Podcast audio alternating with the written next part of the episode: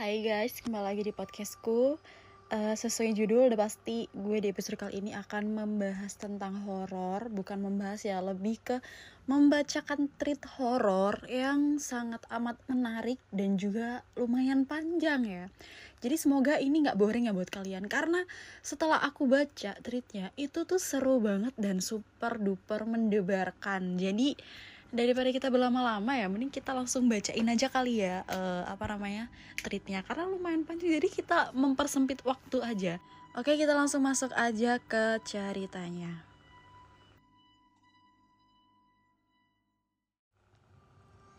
Ibuku suka banget pakai ajian raja katanya untuk penglaris usaha. Tapi udah dua tahun ini dia sakit-sakitan. Dan jadi aneh banget. Paling parah dia pernah mencekiku pas lagi tidur. Kami udah berobat ke mana-mana. Tapi kata orang pintar, dia sudah bukan ibuku. Tolong aku.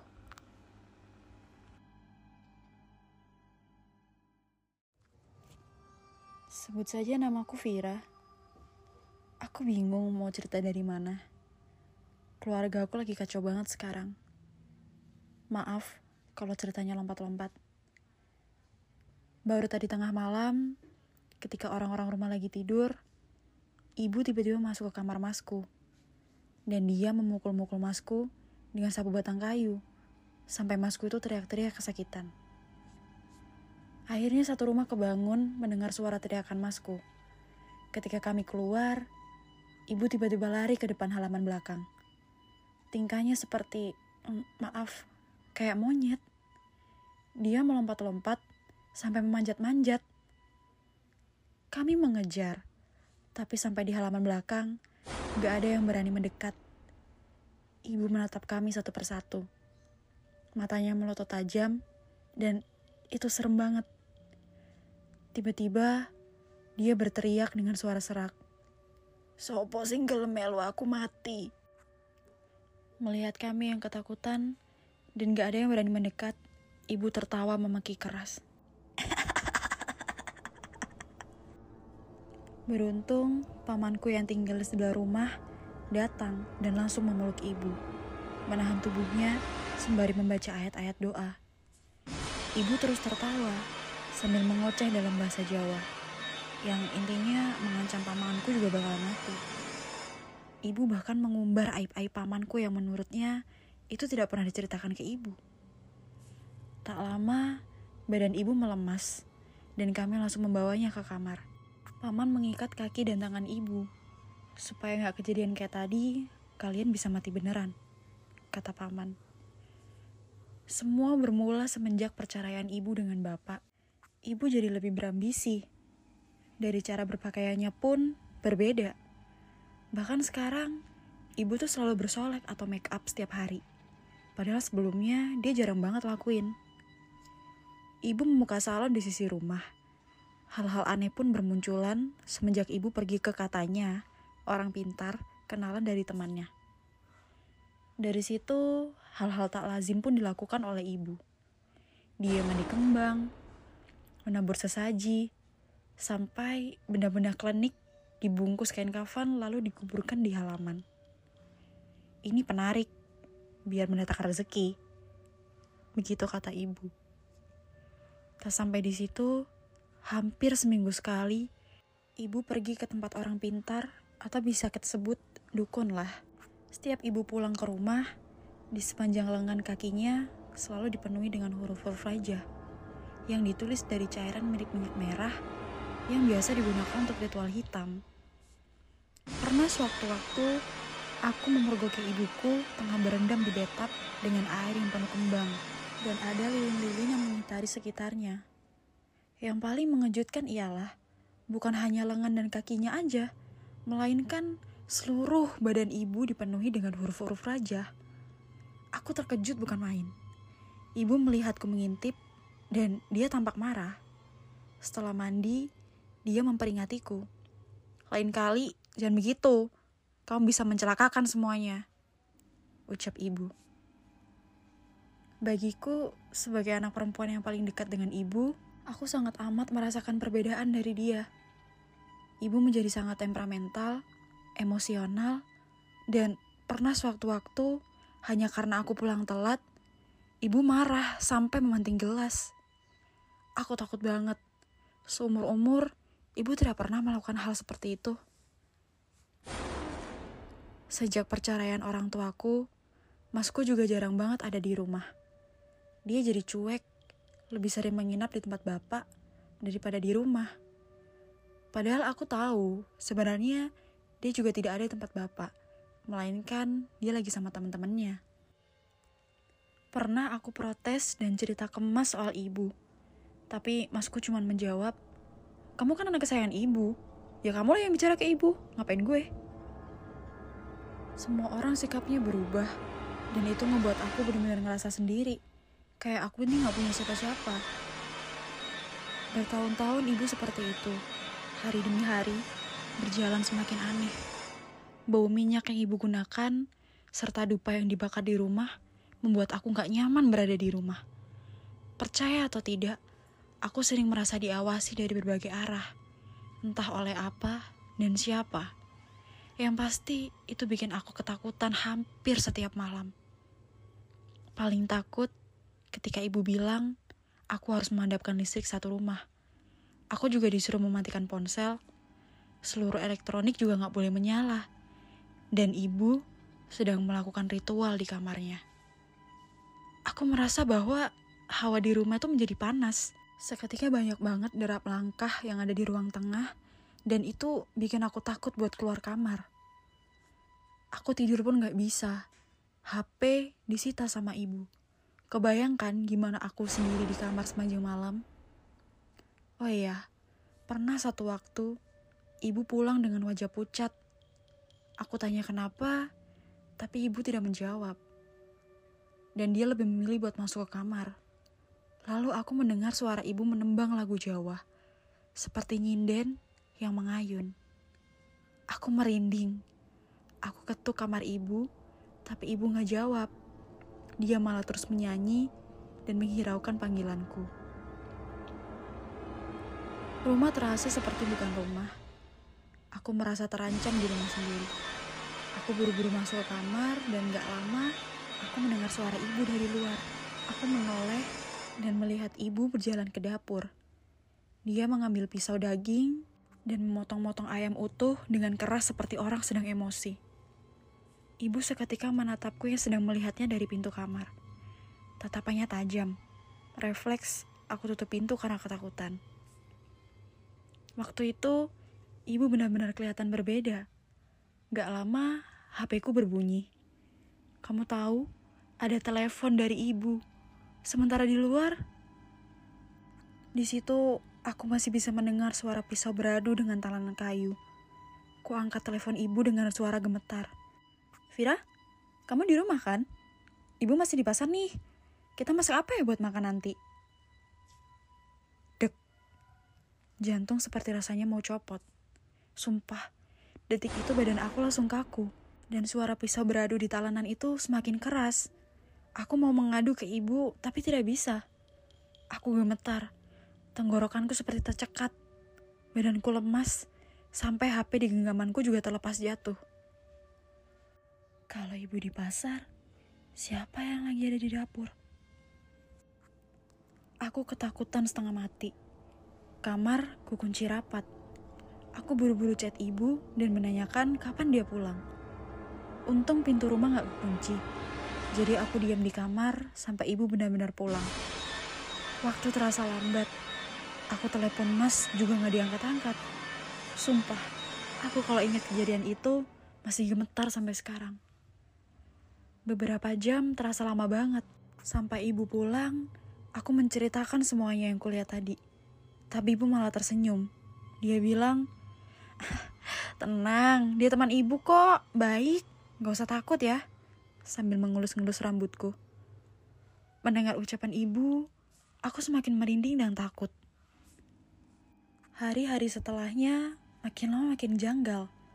Banyak hal-hal mengerikan yang kalau aku ceritakan satu persatu akan terlalu panjang. Mulai dari suara-suara aneh, derap langkah kaki di ruang tengah, suara ledakan tengah malam, dan aroma-aroma melati yang entah berembus dari mana. Sampai suara ibu nembang yang sering banget aku dengar. Tiap dengar suara itu, aku yakin banget kayak itu tuh bukan ibu. Melainkan sosok yang menyerupai ibu yang pernah aku lihat.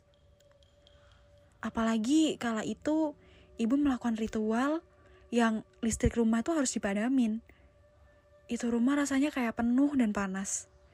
Padahal nggak ada siapa-siapa selain aku dan ibu. Tapi memang aku akui, salon ibu itu selalu ramai. Meski dibuka dari rumah yang jauh dari jalan besar, pasti ada aja pelanggan yang datang. Sebagian besar dari mereka itu tuh tahu karena melintas atau langsung mampir ke salon ibu, kayak seperti tertarik gitu. Semakin ramai salon ibu, dia semakin menjadi-jadi dan jadi sering mengunjungi dukun itu. Bukan hanya di dalam rumah, tapi beberapa tetanggaku juga melihat ibu malam-malam mengenakan pakaian serba putih, sedang duduk di atas atap sembari uncang-uncang kaki. Padahal ibu tidak pernah melakukan hal itu. Dan aku yakin itu bukan ibu. Lagian, aneh banget. Ngapain ibu ada di atap rumah? Kejadian-kejadian aneh itu terus terjadi hingga pada akhirnya ibu sakit. Dia mengeluh nyeri pinggang hingga tak bisa bangun.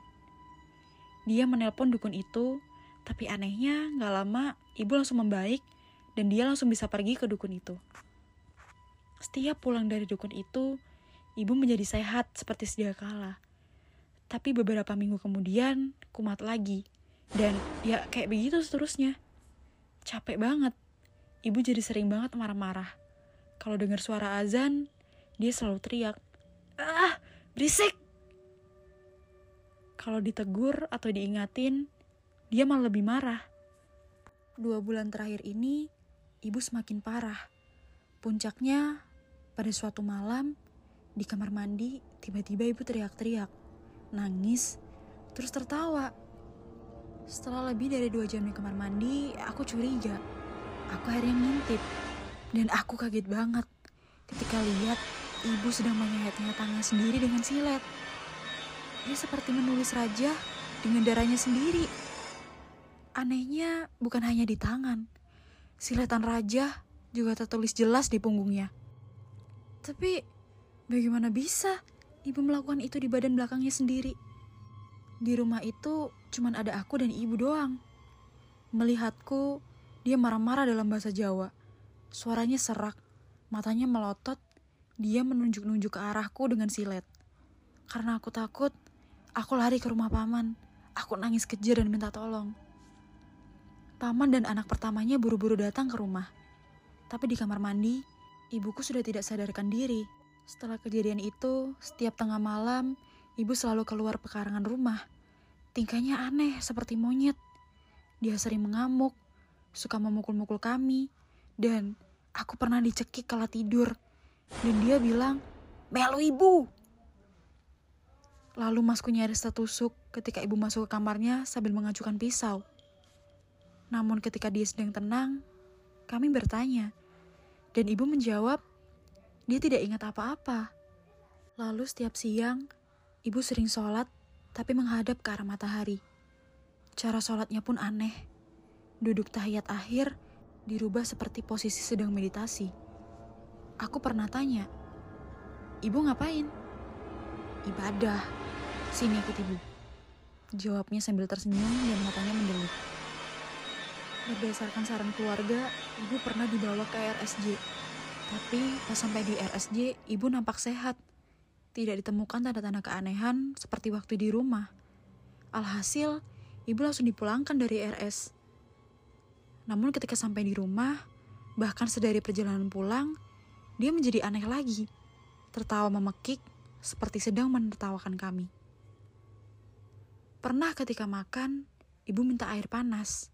Aku kira buat kompres, karena badan ibu tuh penuh luka-luka lebam setiap dia bangun tidur. Aku berikanlah tuh satu gelas air mendidih yang asapnya tuh masih mengepul. Tapi tiba-tiba Ibu meminum air itu panas-panas dalam satu tenggak sampai habis. Lalu dia tertawa keras dengan mama Kik. Ibu juga sudah dibawa ke beberapa orang pintar dari Jawa Barat sampai Jawa Timur. Dan terakhir kali kami datangin orang pintar, orang itu jawab, dia sudah bukan ibumu. Ikat terus, jangan sampai lepas. Bahaya. Segera cari pertolongan. Saya nggak sanggup. Saya masih punya keluarga.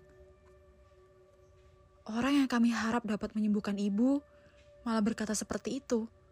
Aku benar-benar bingung sekarang. Semakin lama, ibu kian parah. Tolong, aku takut banget. Apa yang harus aku lakuin? Bahkan suara ibu nembang dan langkah kaki di ruang tengah masih sering terdengar setiap malam. Sejujurnya belakangan ini, semakin aku tahu, firasatku semakin yakin kalau orang yang ada di rumahku sekarang sudah bukan lagi ibu.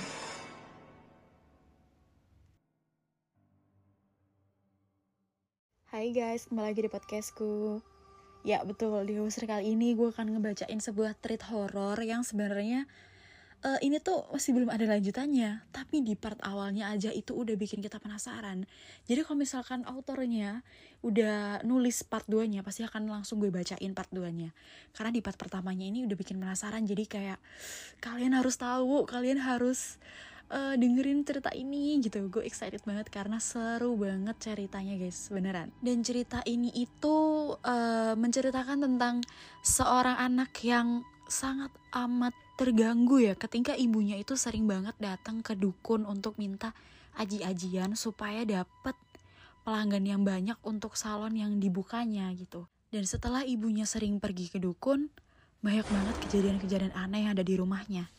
Nah karena gue gak mau spoiler Jadi mending kalian dengerin aja ceritanya habis ini Beneran seru banget Walaupun masih uh, part pertama Tapi ya worth it lah buat kita dengarkan ceritanya Oke okay, tanpa berlama-lama lagi Kita langsung aja masuk ke ceritanya.